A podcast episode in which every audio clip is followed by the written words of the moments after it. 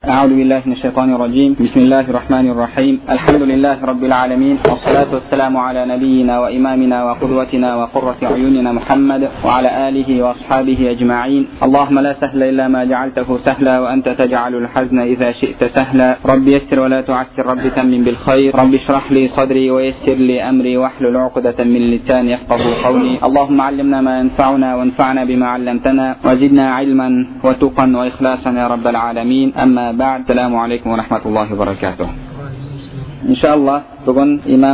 jafar at tahoviy rahimaullohning matnini tushuntiruvni jalg'ashtiramiz bugun sakkizinchi saboq inshaalloh. Biz o'tgan joli imom abu jafar tahoviy rahimaullohning vala yakunu illa ma yurid ya'ni hech narsa bo'lmaydi illa tez qana allohning qalag'anidan boshqa. Ya'ni bu yerda tikelik audarатын bo'lsak alloh subhanava taoloning qalamag'ani bo'lmaydi qalag'ani bo'ladi. Alloh subhanava taoloning ya'ni neni qalasa alloh subhana taoloning qalag'ani bo'ladi neni qalamasa ol bo'lmaydi. Undan keyin o'zining so'zini jalg'ashtira kelib aytadi. La tablughuhul avham la tablughuhul avham ya'ni o'g'an bu yerda kim joyida gapirib жатыр taolo joyida alloh subhanava taologa qiyollar jeta olmaydi. Qiyollar jeta olmaydi. Bulug' so'zin imom ar rag'ib al asfahani rahmaulloh o'zi mufadatul qur'on kitobida bulug' ya'ni tablug'u ol balag'a so'zidan chiqadi nemasa bulug' bulug'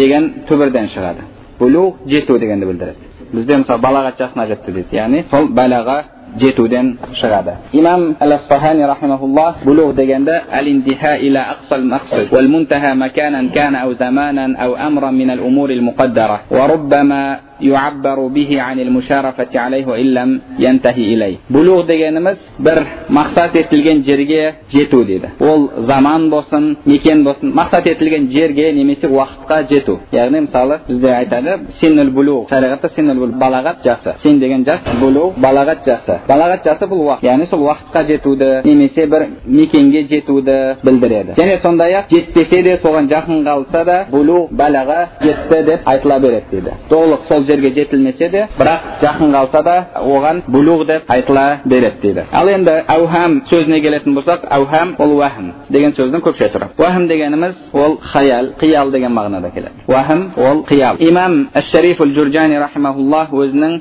тарифат тарифат бұл кітап сондай яғни керемет жазылған кітаптардан ол кітапты ол кісі тариф дегеніміз түсіндіру таныстыру яғни ол кісі барлық білімдерге қатысты солардың терминдерімен таныстырып кеткен ол кітаптың қызметі таныстыру мысалы усул фих усул фихта мынандай мынандай терминдер бар оның түсінікті түсініктемесі былай фихта мынандай терминдер бар оның түсініктемесі былай ақидада мынандай терминдер бар оның түсініктемесі былай деп ішінде таныстыру таныстырумен айналысады кітабы сол кітабында имам журжани рахимахулла айтады ал хаял хуа قوة تحفظ ما يدركه الحس المشترك من صور المحسوسات بعد غيبوبة المادة بحيث يشاهدها الحس المشترك كلما التفت إليها فهو خزانة للحس المشترك يعني وهم خيال قيال дегенimiz ол сондай ол адамға берілген күш адам сол қиялымен көрініп тұрған күнделікті көріп жатқан нәрселерін содан келетін мағлұматтарды жинайтын орын дейді қиял дегеніміз және яғни ол кеткеннен кейін мысалы сіз бір нәрсені көресіз көрдіңіз кейін ол нәрсе алдыңыздан ғайып болды сіз бір адамды көрдіңіз кейін ол адам кетіп қалды көзіңіз жұмған кезіңізде сіздің соны елестете аласыз яғни бұл елестету қиял ой дегенді білдіреді ол адам бір нәрсені көрсе бір нәрсені естісе бір нәрсенің дәмін білсе бір нәрсені ұстап көрсе адамның басына сол нәрсе жайында мағлұмат жетеді яғни оны көрсе түрі жайында дәмін сезсе дәмі жайында естісе сол естіген нәрсесі осының бәрі адамда ойда қиялда яғни араб тілінде хаял дейді сол жерде сақталады және әлгі естілген көрілген нәрселер жоқ болғаннан кейін сіздің алдыңыздан кеткеннен кейін де сіз сол нәрселерді елестете аласыз дауыс болсын ол көрінетін нәрсе болсын сезілетін нәрсе болсын осы нәрселер яғни хис дегеніміз сезім деген сөз өзі адамның ойына қиялына мағлұматтар сол бес сезім мүшесі арқылы келеді арабтарда оны әл хауасил хамса дейді яғни бес сезім мүшесі ол көру есту көру есту тау және дәмін көру осы бес сезім мүшесі адамның ойына қиялына мағлұматтар осы бес сезім мүшесі арқылы келеді және көру есту ұстау дәмі иіскеу осы бес сезім мүшелері және адамның ойына қиялына мағлұматтар осы бес сезім мүшесі арқылы келеді. Енді имам әбу жафар тахауи рахмаулла алла субханала тағалаға қиял ой жете алмайды дейді. Енді бұл кісі бұл жерде әхлі сүнна жамааның алла субханала тағаланы тану алла субханала тағаланы білу ережелері жайында айтып жатыр. Бұл кісі айтады қиял ой алла субханала тағалаға жете алмайды дейді. Яғни біз қиялымызбен ойымызбен алла субханала тағалаға жете алмаймыз алла субханала тағаланы тани алмаймыз. Алла субханала тағаланы біле алмаймыз. Неге? Себебі адамның ойы қиялы тікелей бес сезім мүшесіне байланысты. Одан асып кете алмайды. Және асып кете алады деп ешкім де айта алмайды енді адамның бес сезім мүшесі шектеулі оны бәріңіз білесіздер адам барлық нәрселерді көре алмайды барлық нәрселерді ести алмайды барлық нәрселерді сезе алмайды керек болса адам періштелердің барлығын да сезе алмайды өзінің рухын да сезе алмайды яғни адамның сезім мүшелері шектеулі сезім мүшелеріміз шектеулі болатын болса онда біздің ойымыз қиялымыз тікелей бес сезім мүшесімен байланысты болғаннан кейін ол да шектеулі ол шектеулі біздің ойымыз қиялымыз тек қана көрініп тұрған естіліп сезіліп тұрған материальный яғни материалдық заттармен шектеулі қалай дейсіз ғой мысалы қазіргі таңда яғни небір адамдар бар ана фантастика ойлап шығарады фантастика ертегілерді ертегілерде қарасаңыз бұл дүниеде кездеспейтін нәрселер үш басты бір үш басты бір жануар ұшатын ұшатын бір жануар яғни бұл дүниеде қарасаңыз немесе қазіргі фантастика киноларды қарасаңыз да бұл дүниеде кездеспейтін нәрселер кездеспейтін нәрселер бірақ сол қиялдан ол адамның несінен шыққан қиялынан ойынан шыққан бір адам отырды да қиялы ойы күшті екен сондай бір нәрселерді өмірде кездеспейтін нәрселерді ойлап шығарды бірақ ол ойлап шығарған нәрсесі де сол өмірде кездесетін күнделікті көріп жүрген нәрселерден құралады яғни қазірге дейін бір адам бағанағы қиялы күшті адам ертегі әңгімелер ойлап шығарып жатқан немесе фантастика кинолар ойлап шығарып жатқандар адам көрмеген естімеген білмейтін нәрсесінен бір нәрсе құрастыра алды ма құрастыра алған жоқ мысалы қазіргі кезде көп нәрселерді мультфильмдерде болсын басқа көріп жатасыз бір қалай айтсақ болады көз аяғы көзі бар аузы бар мультфильмде машинаны көріп жатасыз бұл өмірде ол нәрсе кездеспейді бірақ сол көз ауыз сіз көріп жүрген нәрселер яғни адамның ойы қиялы ол сол бес сезім мүшесі арқылы келген мағлұматты жинайды және сол мағлұматтармен жұмыс істейді сол мағлұматтарды жинайды содан құрастырады бөледі бөлшектейді яғни содан әр, әртүрлі нәрселерді құрастыра алады бұл адамның қиялы ал одан басқа көрмеген естімеген дәмін білмейтін нәрселерден басқа нәрсені қиял алып келе алмайды түсінікті ғой яғни қазірге дейін ешкім біз көрмеген нәрселерден яғни бағана фантастика киноларда болсын одағы кейіпкерлер болсын ол жерде болып жатқан нәрселер болсын барлығы күнделікті көріп жүрген нәрселерден құралған құралған нәрселер қай нәрсені көрсеңіз де ұшып жүрген машинаны көрсеңіз де бағанағы ә, аузынан от шашатын атты көрсеңіз де немесе яғни не нәрсе көрсеңіз де оның барлығы оның барлығы сіз күнделікті көріп жүрген нәрселерден құралған бағанағы бір мультфильмдер бұрын болатын еді ғой. Шам свечи. Аузы бар көзі бар сөйлейтін свечи немесе шәйнек. Бұның бәрі де яғни бұл өмірде олар сөйлемейді. Бірақ сіз адам күнделікті көріп жүрген ауызды мұрынды алып барды да соған берді. Яғни сөйтіп ол құрастырып жатыр. Яғни адамның ойы адамның қиялы. Тек қана өзіне сол бес сезім мүшесі арқылы келген мағлұматтармен ғана жұмыс істей алады. Одан басқа нәрсе сырттан алып келе алмайды. Яғни ол бес сезім мүшемен шектеулі. Ал біздің бес сезім мүшеміздің өзі шектеулі. Себебі сіз барлық нәрсені ести алмайсыз барлық нәрсені көре алмайсыз. Керек болса сіз алла субханала тағала яғни алла субханала тағаланың қалауымен алла субхана тағаланың изнімен жын шайтандар сізге көрінбесе сіз оларды да көре алмайсыз алла субхана тағала құран кәрімде ол және оның әріптестері оның қауымы сендерді сендер көрмеген жерден көреді яғни біз көп нәрселерді көре алмаймыз көп нәрселерді ести алмаймыз біз сезім мүшеміз шектеулі екен онда ойымыз қиялымыз сезім мүшемізбен шектеулі болатын болса онда ол да шектеулі. А яғни ол шектеулі болатын болса ол алла субханала тағалаға жете алмайды. Алла субханала тағала жете алмайды. Неге? Себебі біздің сезім мүшелеріміздің өзі алла субханала тағалаға жете алмайды. Сезім мүшелеріміздің өзі алла субханала тағалаға жете алмайды. Қалайша? Біз алла субханала тағаланы қияметте иншалла алла бәрімізге соны нәсіп етсін иншалла алла нәсіп етсе көреміз. Бірақ ол көру сезім мүшесімен табиғи көру емес табиғи көру. Табиғи көру дегеніміз не? Яғни көрудің заңдылықтары жүреді табиғи көру. Көруде оны қай жерден мына биология болсын басқа ғылымдарда көру көру болған кезде ол жерде көрінетін объект болу керек оған жарыту керек. Ол сіздің көзіңізден шыққан сәуле оған отражаться етеді кейін қайта өзіңізге көрінеді. Солай ғой. Яғни ал алла субханала тағалаға қарсы көруде ол нәрселер жүрмейді. Ол нәрселер жүрмейді. Оған иншалла алла субхан тағаланы қияметте көру мәселесіне келгенде кеңірек тоқтаймыз. Қысқаша айтатын болсақ айтатын болсақ мысалы имам абу ханифа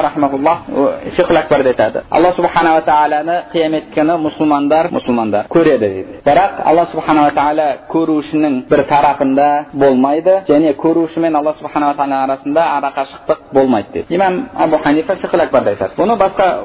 басқа ғұламалар да барлығы осы сөзді айтқан ғұламалар неге себебі біз сабағымыздың бас жағында айтып кеткенбіз алла субханала тағала дене емес жисім емес егер дене болғанда жисім болғанда онда басқа жисімдерге ұқсаған болар еді басқа денелерге ұқсаған болар еді яғни ол ұқсастыққа алып келеді. Алла субханала тағала жисім дене емес. Ал арақашықтық ол екі дененің арасында жүретін нәрсе. Яғни бір дене екінші денеден ұзақтау болады жақындау болады. Бір дененің екінші дене бір тарапында болады. Алла субханала тағала қарсы яғни көруде де сол. Ол арақашық болу керек ол сіз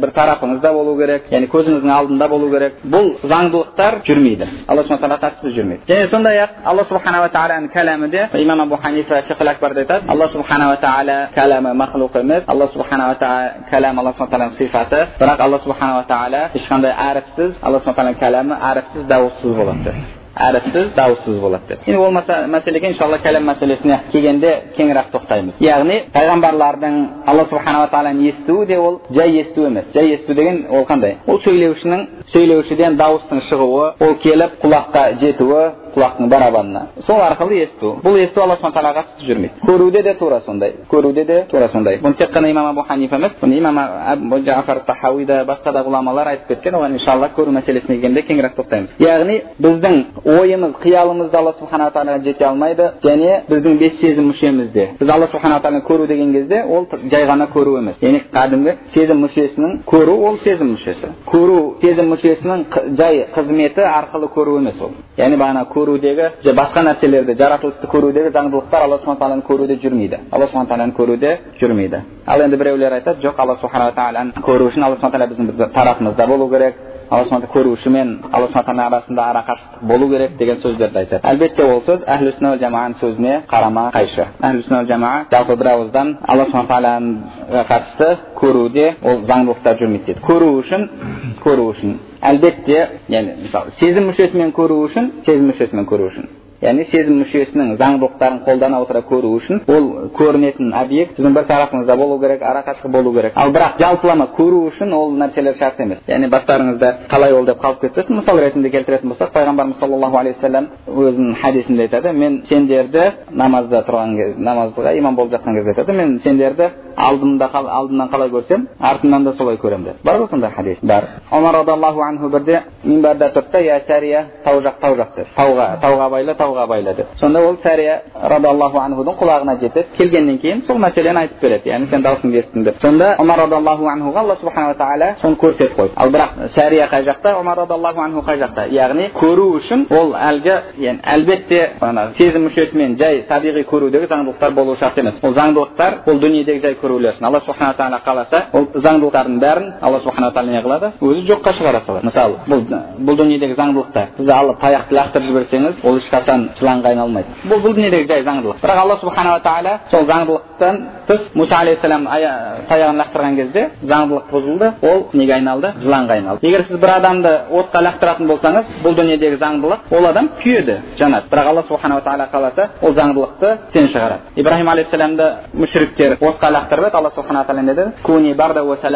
ибраһим ибраһимға салқындық және амандық бол деп салқындық және амандық бол деп ғұламалар осы жерде айтады алла субханала тағала тек қана салқындық бол дегенде ибраһим алейхисалам тартып қалар еді деп бірақ салқындық бол және амандық бол деп және аля ибраһим деп ибраһимге деп егер ибраһимге деп айтпағанда онда барлық адамзатта ол салқындық және амандық болып қалар еді яғни алла субханала тағала қаласа ол заңдылықты бұза салады заңдылықты сен шығара салады яғни бір адамдар айтады қалайша ол мүмкін емес қой ол мұғжиза деген ақылға сыйымсыз нәрсе дейді яғни былай логический мысал келтіретін болсақ мысалы бір мемлекет әрбір алпыс жасқа жеткен адам алпыс жасқа жеткен адам пенсияға шығу керек деп пенсияға шығады деп заң шығарды заңды кім шығарды мемлекет шығарды енді бір адам ол сияқты маман өзінің саласында кездеспейді сондай бір өзінің саласының керемет маманы мемлекетке ол адам қажет ол адам алпыс жасқа жетті алпыс жасқа жеткенде өзі шығарған заңды бұзып жоқ бұл адам пенсияға шықпайды ары қарай жұмыс істей береді десе өзінің қолында ма өзінің қолында емес пе өзінің қолында онда қандай проблема алла субханала тағала ол заңдылықтарды жаратты қаласа алла субханала тағала ол заңдылықтарды өзі істен шығара салады яғни біз алла субханала тағалаға біз ойымызбен қиялымызбен жете алмаймыз себебі ойымыз қиялымыз сезім мүшемізбен шектеулі сезім мүшеміздің өзі шектеулі біз сезім мүшемізбен де алла субханала тағалаға жете алмаймыз алла субханала тағаланы тану жолында ол ой қиял жүрмейді жамаада ойдың қиялдың үкімі жүрмейді бұл жайында имам байхақи рахмаулла осыған қатысты сөздер келтіреді өзінің шуабул иман атты кітабы бірінші том жүз он екінші бетінде ол кісі имам халими рахмауллахтың сөзін келтіріп айтады хақиқатул марифа яғни білімнің ақиқаты яғни алла субхан тағаланы танудың ақиқаты алла субханала тағаланы бар деп және әзали деп білу дейді әзали қадим яғни бастауы жоқ ләм язал яфна бұрында бар болған және ешқашан жоқ болмайды ахадан самадан яғни бір мұңсыз уахидан жалғыз ла және қиялда ойда елестетілмейді және бөлшектенбейді яғни бұл да сол мағынада яғни алла субханала тағала біздің ойымызда қиялымызда біз алла субханала тағаланы елестете алмаймыз елестете алмаймыз неге себебі жалпы алла субханала тағала ағза мүшелерден де пәк және бейне пішін сурет деген нәрседен де алла субханала тағала пәк неге себебі бейне пішін сурет оның өзі құрастырылуды білдіреді құрастырылуды білдіреді алла субханала біз айтып кеттік алла субхан болмысы болмысында құралу деген нәрсе жүрмейді яғни алла субхан тағала ол ағзалардан тұрмайды алла субханала тағала бейнетінен тұрмайды бейнетін сурет қалайша құрастыруды білдіреді десеңіздер алла субхан тағала құран кәрімде құран кәрімде инфитар сүресінде айтады ей адам баласы раббыңа қатысты сені не нәрсе алдады әлләзи ол раббың халақака сені жаратты фасауака сені яғни сондай бір жақсы пішін берді және қалаған суретінде қалаған қалаған бейнеде фи суратин маша раккаба деген сөз құрастыруды білдіреді яғни тәркиб тәркиб деген құрастыру бағана өзбекше нелерді қарайтын болсаңыз өзбекстаннан шыққан немесе бағана бір нәрселерді сок сатып алсаңыз да басқа нәрсе сатып алсаңыз да артында тәркибі деп тұрады яғни бізде құрамы деген құрамы тәркибі деген яғни сол нәрселерден құралған сол нәрселерден тұрады деген сөз алла субхан тағала айтады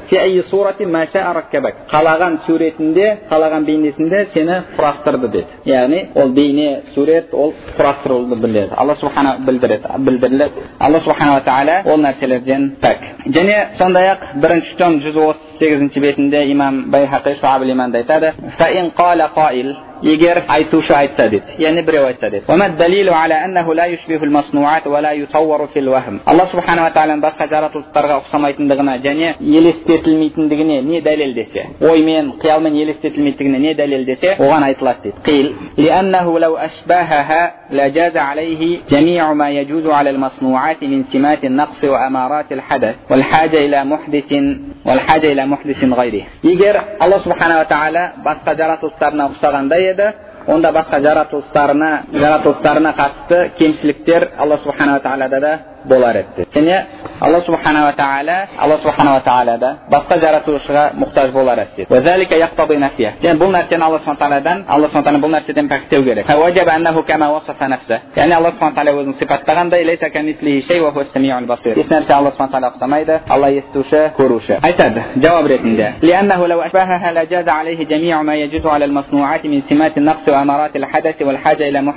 егер алла субханала тағала басқа нәрселерге ұқсағандай еді онда басқа нәрселердің басқа нәрселердегі табылатын кемшіліктер сол жаратылыстың белгілері және ә, басқа жаратушыға мұқтаждық алла субхан тағалада да табылар еді деп. Яғни қалайша? Жалпы екі ұқсас нәрсеге бір үкім жүреді. Екі нәрсе бір біріне ұқсайтын болса бір үкім жүреді. Мысалы алла субхана тағала құран кәрімде арақты харам етті арақты харам етті харам етудің илләті себебі ол мақлатын нәрсе оның иісінде емес оның бағанағы бидайдан немесе арпадан немесе басқа нәрседен істелгенде емес. Оның бір себебі бар ол мас қылушы нәрсе. Яғни илләті мас қылу себебі енді басқа бір заттарда сол мас қылу деген сипат табылып жатса оларға арақтың үкімі жүреді оған жеке дәлел келмесе де арақтың үкімі оған жүреді неге себебі екеуі бір біріне ұқсайтын нәрсе ұқсайтын екі ұқсайтын нәрсеге бір үкім жүреді мысалы біреу келіп айтса да ол анашаға немесе бағана наркотикке наркотикке оған дәлел жоқ қой десе темекі мәселесі ол басқа мәселе ол зиян мәселесіне кіреді ол мас қылу мәселесіне кірмейді айтса дәлел жоқ оған алла субхан тағала құран кәрімде тек қана тек қана нені айтып тұр арақты айтып тұр деп ал мәселе оның арақтығында емес мәселе мас қылу оның илләті мас қылу. Ал басқа кез келген нәрсе мас қылатын болса ол араққа түрі ұқсасын ұқсамасын ода мас қылу сипаты табылып жатса сол арақтың үкімі жүреді. Яғни харам деген нәрсе жүреді. Оған жеке дәлел келу қажет емес. Кейбіреулер сондай яғни келте ойлағандықтан да әр нәрсеге жеке дәлел іздегісі келеді. Мысалы қазіргі кезде көптеп естіп жатамыз. Яғни бұл біздің ақидаға қатысы жоқ. Тек қана қазір ойыма келіп тұрғаннан кейін темадан шығу ретінде айта салайын деп жатырмын біреулер айтады сол ханафи мазhabында егер бір адам әтейіліп оразасын бұзатын болса рамазанда оразасын бұзатын болса ол оның орнын өтеп беру керек және каффарат каффарат каффараты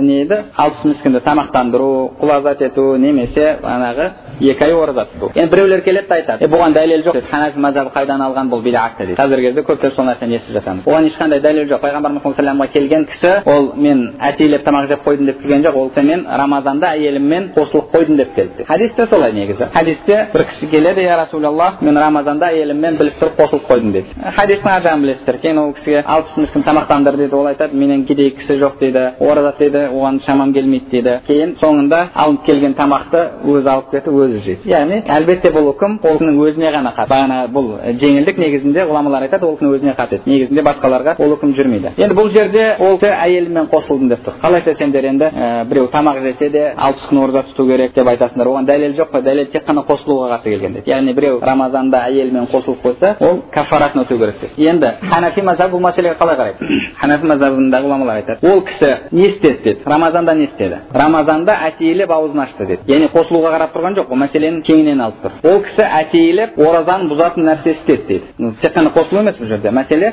олар оны кеңінен алып тұр біліп тұрып әтейі оразаны бұзатын нәрсе істеді дейді сол сияқты кез келген әтейлеп оразаны бұзатынды істеген адам яғни әтейлеп оразасын бұзған адам соның үкімі жүреді дейді яғни олар ол мәселеге кеңінен қарайды сол үшін де оған олар қайдан алды ол олар надандығынан немесе білмегендігінен деген сөздің өзі негізінде ол айтып жатқан адамдардың надандығын білдіреді яғни мәселе олар оған қосылу деп қарап жатқан жоқ оразаны бұзатын іс деп қарап жатыр яғни кез келген оразаны бұзатын іс соның үкімін алады деді қияспен алатын болса сол сияқты яғни екі нәрсе бір біріне ұқсас болатын болса оның үкімі жүреді енді алла субханала тағала жаратылысқа ұқсайтын болса онда жаратылысқа қатысты жүретін үкімдер алла субханала тағалаға жүреді дейді және алла субхана бұл нәрседен пәктеу керек дейді одан кейін айтады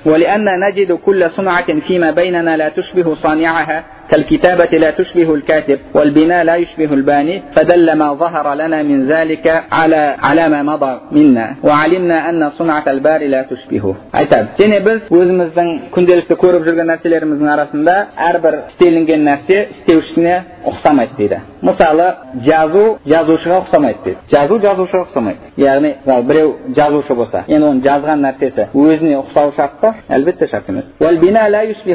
сондай ақ бинаят яғни бір нәрсе құрған болса үй болсын басқа нәрсе болсын оны құрушыға ұқсамайды дейді және біз білдік дейді сол үшін де алла субханала тағаланың жаратылысы алла субханала тағалаға ұқсамайды дейді және имам байхақи тағы да жалғастыра келе айтады бірінші том жүз отыз алтыншы беті шуаб иман кітабы бізге әбу абдуллах айтты дейді ол али бин мұхаммад әл ол мұхаммад бин ибрахим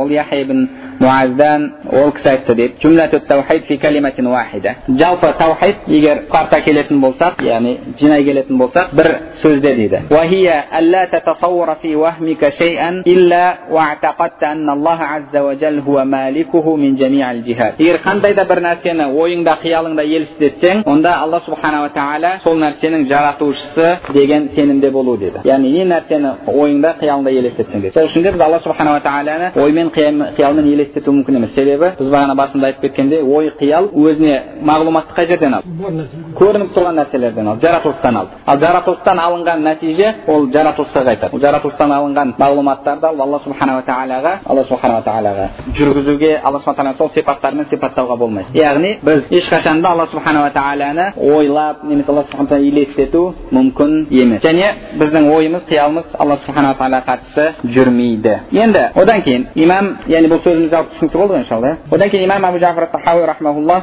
сунна уал жамааның екінші бір ережесін түсіндіріп кетіп жатыр ол айтады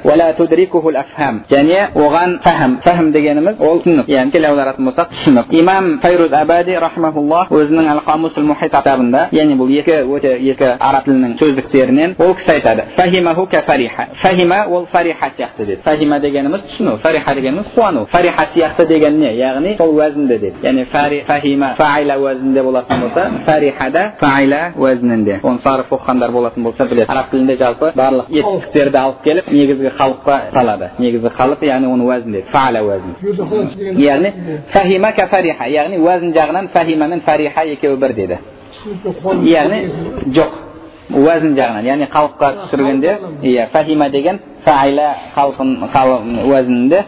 және фарихада тура сол уәзінде және ал енді мағынасын айтады фариханың фахиманың мағынасы алима білу дейді.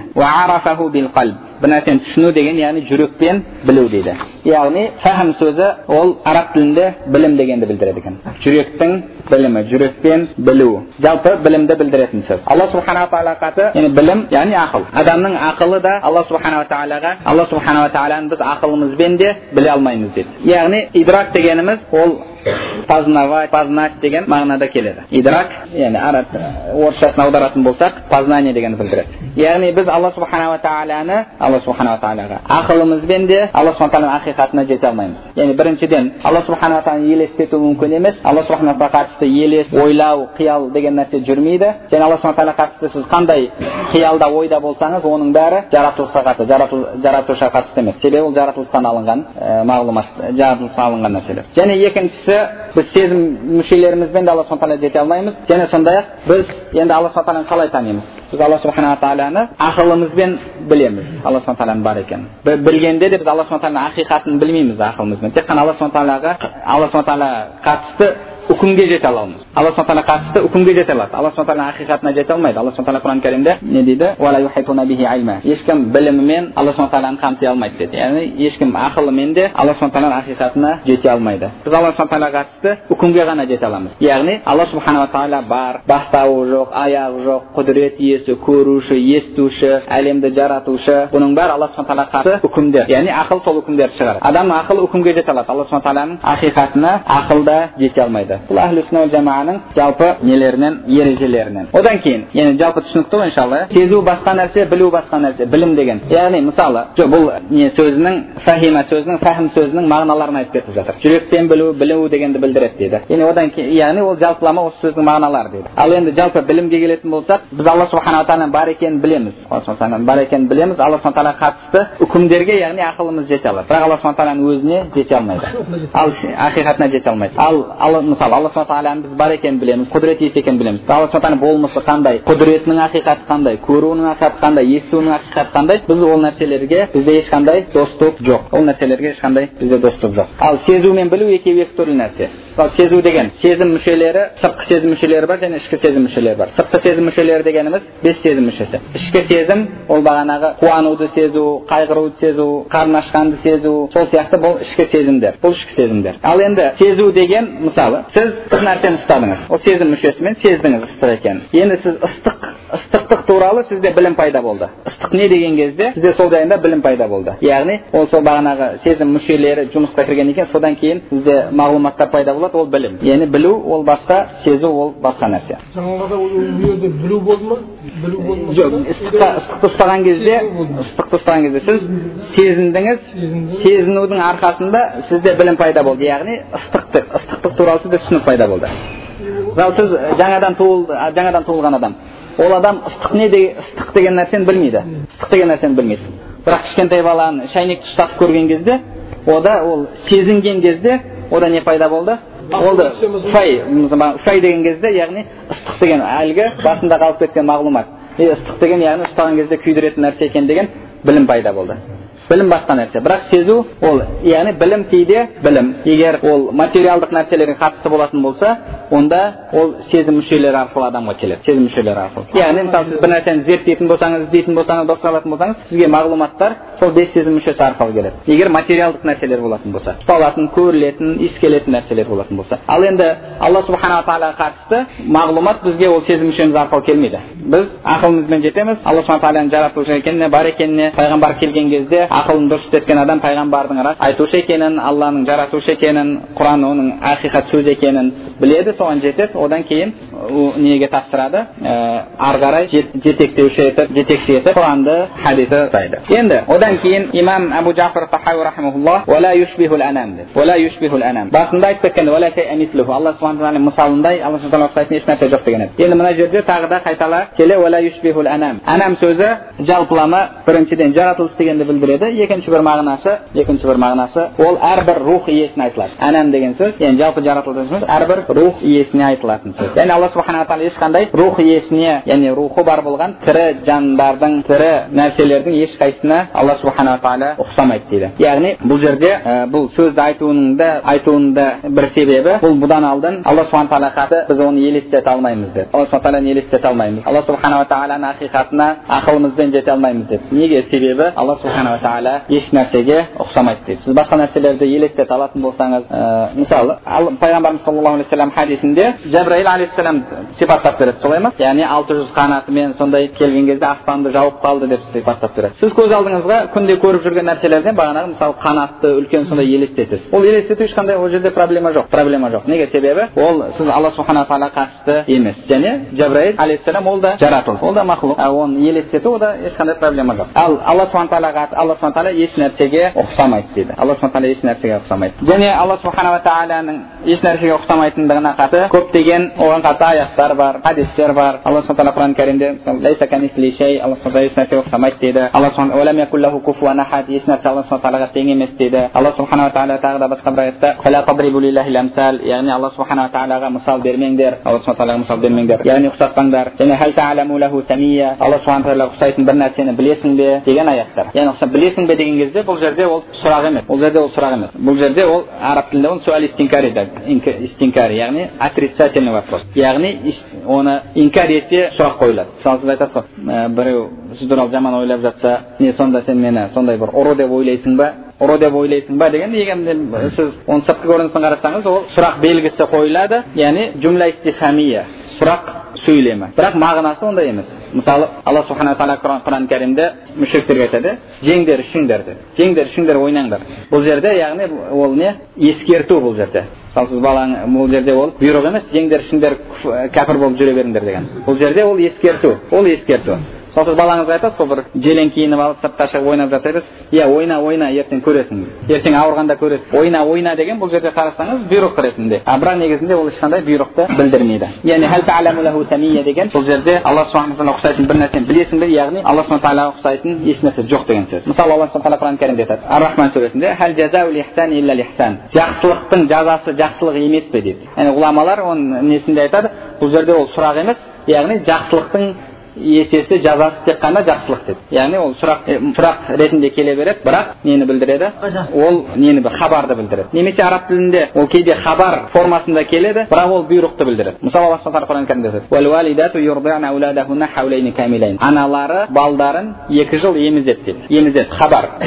енді барлық ата ана балдарын екі жыл емізіп жатыр ма емізіп жатқан жоқ бұл жерде алла субханала тағала адамдардың ісі жайында хабар беріп жатқан жоқ яғни солай істесін деген бұйрық бірақ бұйрық болғанда десе бұл жерде ол уәжіпті білдірмейтін бұйрық бұл солай істе абзалдықты білдіреді мысалы кейде адамдар кейде ойлайды бұйрық келсе болды оның бәрі уәжіпті білдіреді деп жоқ әлбетте оның бәрі уәжіпті білдіре бермейді алла субхана құран кәрімде таң атқанша ішіңдер жеңдер деп бұйрық яғни таң атқанша жеп отыру уәжіп па уәжіп емес алла тағала құран кәрімде яғни ораза тұтқан адамға мысалы субхан құран кәрімде айтады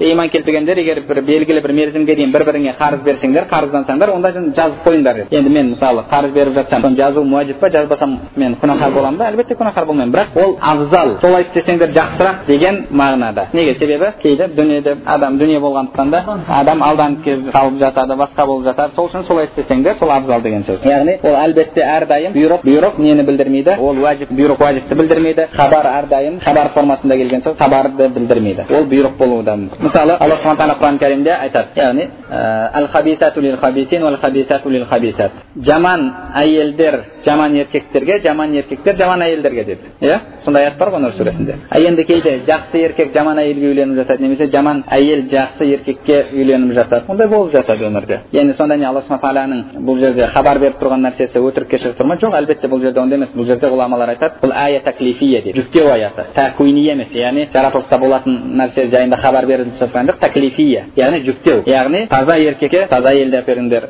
жаман еркекке жаман әйелді әперіңдер деген мағына яғни жалпы негізінде ә, адам кейде білмесе ол ойлап қалады ол болды ғой мына жерде бұйрық келді ғой немесе мына жерде хабар келді ғой қалай деген сияқты енді бұл жалпы мағлұмат ретінде айтады негізінде оның тікелей сабағымызға қатысы жоқ бірақ бағанағы аятқа қатты сөз енді алла субханала тағаланың басқа нәрселерге ұқсамайтындығына қаты бұл жайында яғни көптеп келеді көптеп хадистер аяттар келеді мысалы сол аятта хадистердің бірі имам термизи рахимахулла өзінің хадис топтамасында риуаят етеді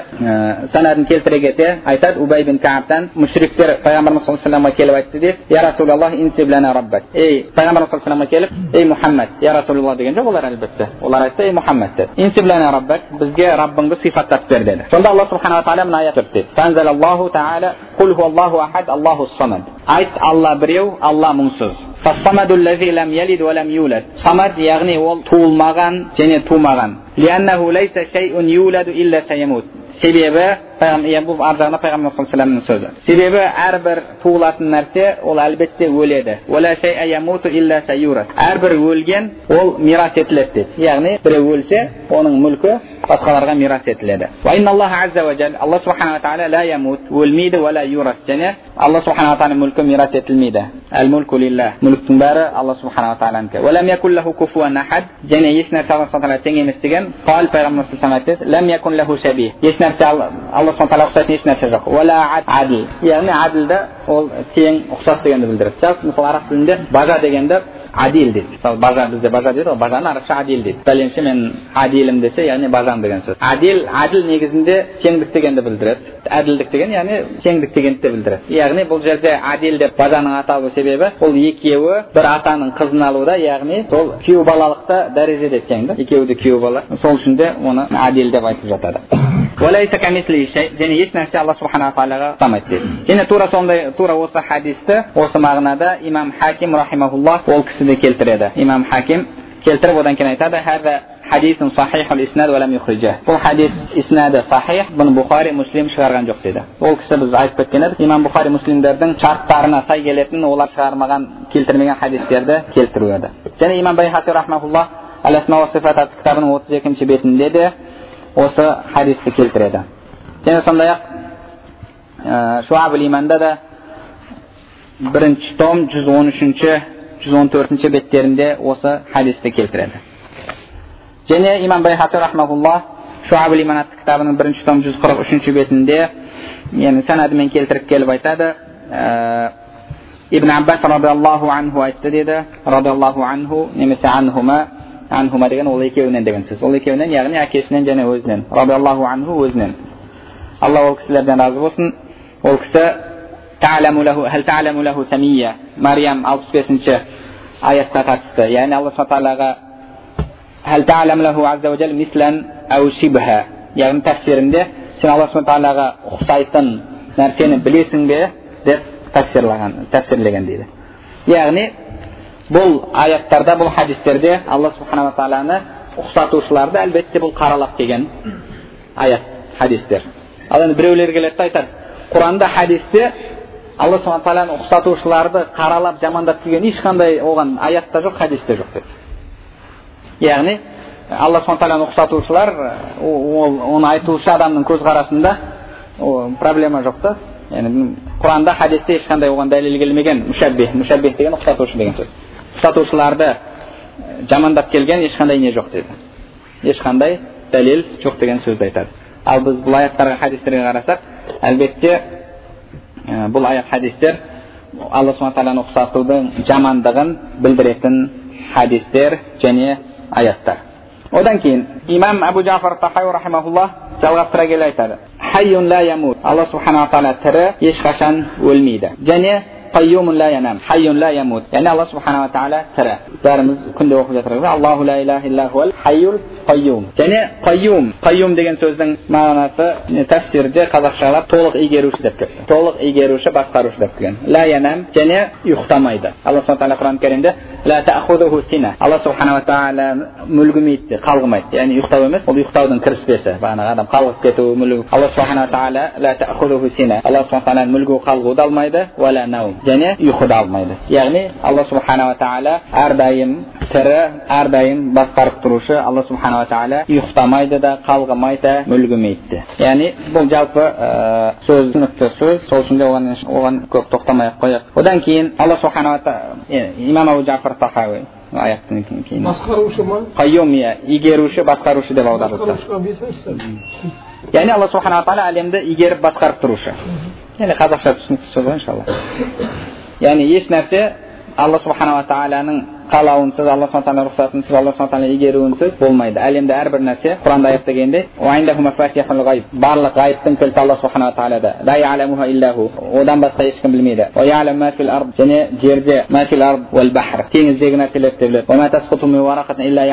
әрбір түсіп жатқан талдарды да біледі жапырақты да біледі қап қара қараңғы жердегі дәнекті де біледі құрғаған нәрселерді де бәрі алла субхан тағаланың алдында анық кітабында барлығы бар яғни алла субханала тағала барлық нәрсені білуші алла субхан барлық нәрсені игеруші барлық нәрсені алла субхан тағала басқарып тұрушы барлық нәрсе алла субханала тағаланың қалауымен алла субханала тағаланың рұқсатымен яғни изнімен болады одан кейін яғни бұл ә, хай туралы құранда көптеген алла субхан тағаланың бұл сифат есімінен хайюн және сифаты қайюм бағанағы неде аятул курсидің өзінде келеді ла ilaha illahu al қайюм деп қайюм яғни ла тәхудуху сина уәлә наум алла субханала тағаланы ешқандай қалғу да мүлгу де ұйықтау да алмайды яғни сондай ақ мысалы қазір алла субхан тағаланың есімі деген кезде есіме түсіп отыр алла субхан тағаланың есімдерінің бірі али али деген яғни ұлы деген мағынада ұлу сөзінен шығады ан бұны біреулер келіп мысалы бір кісі оқып жатыр екен да садақаллаху азим деп садақаллаху азим яғни ұлық болған ұлық болған алла субханала тағала рас айтушы деген сөз мағынасы соны али деп жатса біреу келіп е сен ширк қосып жатсың депті да сен алиді алиді алла субхан тағалаға теңеп жатсың деген сөз айтқан да жоқ ол ондай емес ол жерде али деген алла субханала тағаланың есімдерінің бірі иннаху алиюн хаким құранда келеді алла субхан тағала хикмет иесі али ұлы одан кейін имам абу джафар тахауи сөзін жалғастыра келе айтады халиқун била хаджа алла субханала тағала ешқандай қажетсіз жаратушы дейді қажетсіз жаратушы халиқун била хаджа алла субхан тағала жаратушы алла субханала тағала қалады жаратты ешқандай бір мұқтаждықпен емес алла субхан тағала біздің құлшылығымызға да мұқтаж емес құлшылығымыз ол алла субхан тағала жасаған құлшылығымыз ол біз үшін кемелдік ол алла субхан тағала үшін кемелдік емес алла субхан тағала біз құлшылық қылсақ та қылмасақ та кемел ешкімнің құлшылығына да ешкімнің ибадатына да еш нәрсеге алла субхан тағала мұқтаж емес мұқтаждық деген не мұқтаждық дегеніміз ол ғұламалар мұқтаждық не деген кезде айтады мұқтаждық тауаққуф әл аля ғайри яғни сіздің бір нәрсенің кемел болуы яғни толық болуы толық болуы екінші бір нәрсеге қатысты болатын болса ол мұқтаждықты білдіреді деді мұқтаждықты білдіреді түсінікті ма яғни мысалы сіз балаға мұқтажсыз мұқтажсыз дегенде қандай мағынада яғни балаңыз қызмет қызметіңізді жасауға мұқтажсыз ба сіздің қызметіңізді жасап сізге қызмет етуіне сізді бағып қағуына мұқтажсыз ба оның барлық адам бірдей мұқтаж емес мысалы бір адам бай болуы мүмкін оның қанша мыңдаған қызметкерлер жалдап қоюына ақшасы бар ол ешқандай баласына да ешкімге де мұқтаж емес яғни ол жағынан бірақ бұл жерде мұқтаждық деген не мысалы бала шағасы бар адам бала шағасы жоқ адамнан кемелірек те кемелірек яғни бала шаға яғни осы тұрғыдан адам бала шағаға мұқтаж балаға мұқтаж мұқтаж дегенде қызметін жасап оның кірін жуып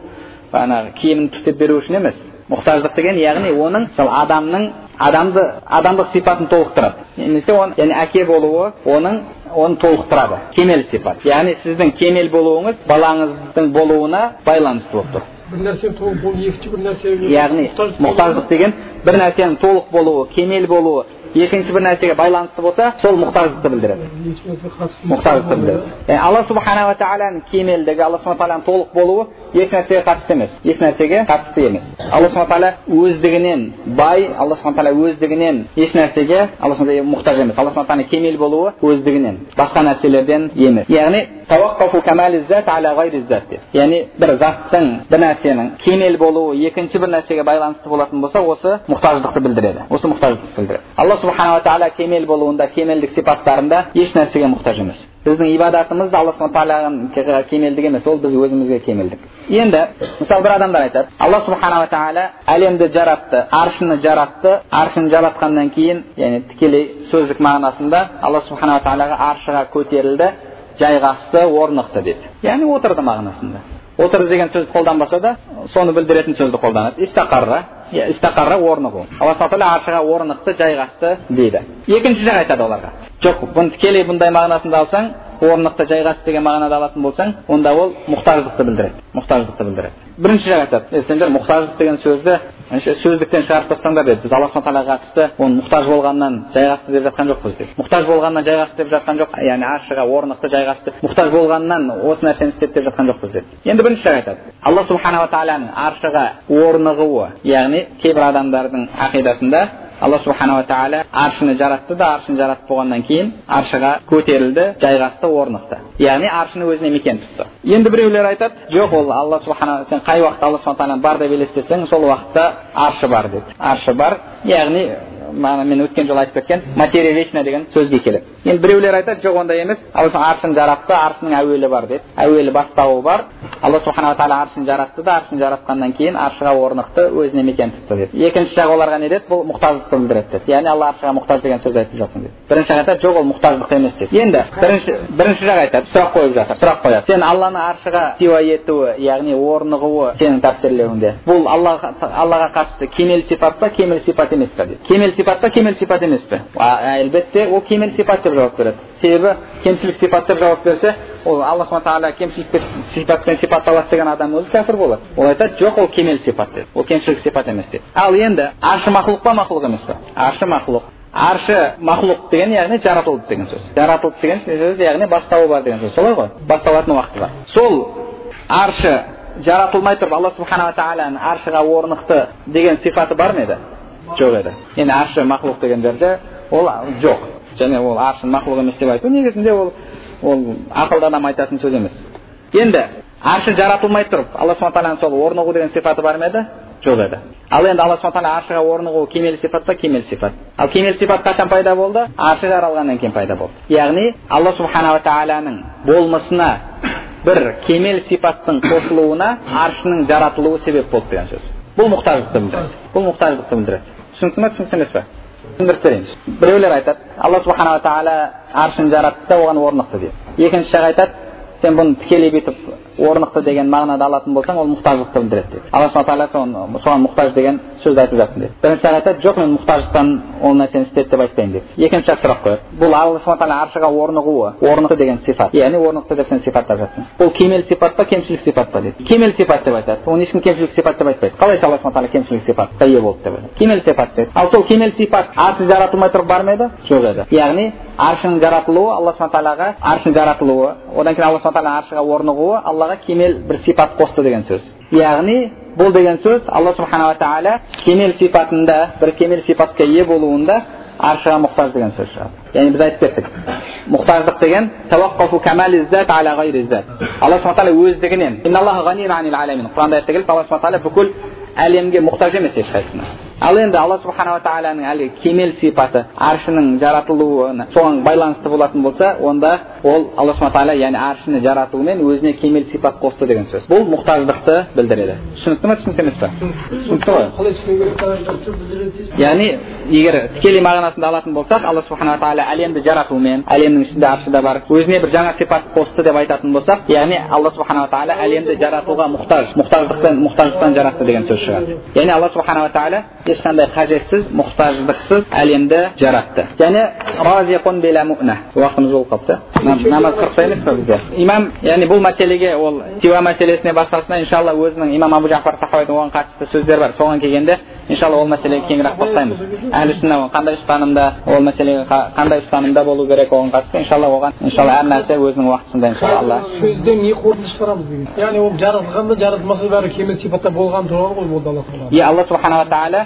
жаратылысты жаратумен өзіне бір кемел сипат қосқан жоқ алла субхана тағала әлемді жаратпай тұрып та кемел бүкіл кемел сипаттарына ие алла субхана тағала әлемді жаратумен өзіне бір жаңа сипат қосқан жоқ ешқандай себеп деген дұрыс емес яғни мысалы кейбіреулер айтады бағанағы көтеріліп түсу мәселесін айтады мысалы алла субхана тағала аспан дүниесіне өз болмысымен түседі дейді ол ал өз болмысымен аспан дүниесіне түсу бұл аспан жаратылмай тұрып ол сипат бар ма еді ол сипат жоқ еді енді ол сипат кемел сипат па кемшілік сипат па олар айтады кемел сипат деп яғни алла субханала тағалада әлем жаратылғаннан кейін тағы бір кемел сипат пайда болды деген сөз ол әлбетте нені білдіреді мұқтаждықты кемшілікті білдіреді енді ол мәселелерге қатысты сүннаның ақидасы қандай негізгі ұстаным қандай болу керек иншалла оған уақытында тоқтаймыз уақытымыз болып қалыпты иншалла алла нәсіп етсе ендігі жолы жалғастырамыз